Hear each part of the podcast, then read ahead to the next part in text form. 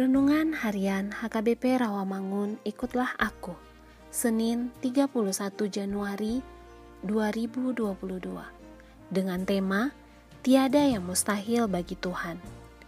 Bacaan kita pagi hari ini diambil dari Kisah Para Rasul pasal 7 ayat 35 sampai dengan ayat 40 Bacaan kita malam hari ini diambil dari Yohanes pasal 6 ayat 66 sampai dengan ayat 71.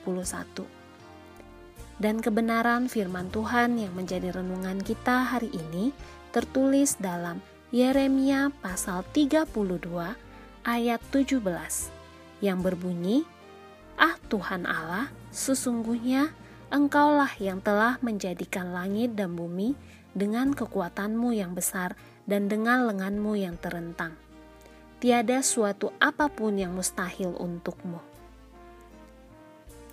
Siapakah yang boleh merasa dirinya layak diampuni dan dipulihkan? Kalau dengan jujur kita melihat dan mengintrospeksi diri, maka jawabannya adalah tidak seorang pun. Doa Yeremia kemudian memaparkan sederetan perkara mustahil yang Allah sudah kerjakan dalam umatnya. Termasuk ketika ia dalam pengadilannya harus menghukum mereka yang berpaling darinya. Kemahakuasaan Allah dinyatakan lewat tindakannya yang adil, memastikan penghukuman dahsyat menimpa umat yang durhaka itu. Namun, Allah juga berdaulat untuk menyatakan kembali kasih setianya. Kasih setianya itulah yang membuat Allah memulihkan kembali umatnya setelah menghukum keras diberlakukan. Pemulihan Allah tidak tanggung-tanggung. Pertama-tama, Allah mengumpulkan kembali umat yang sudah terserak akibat pembuangan.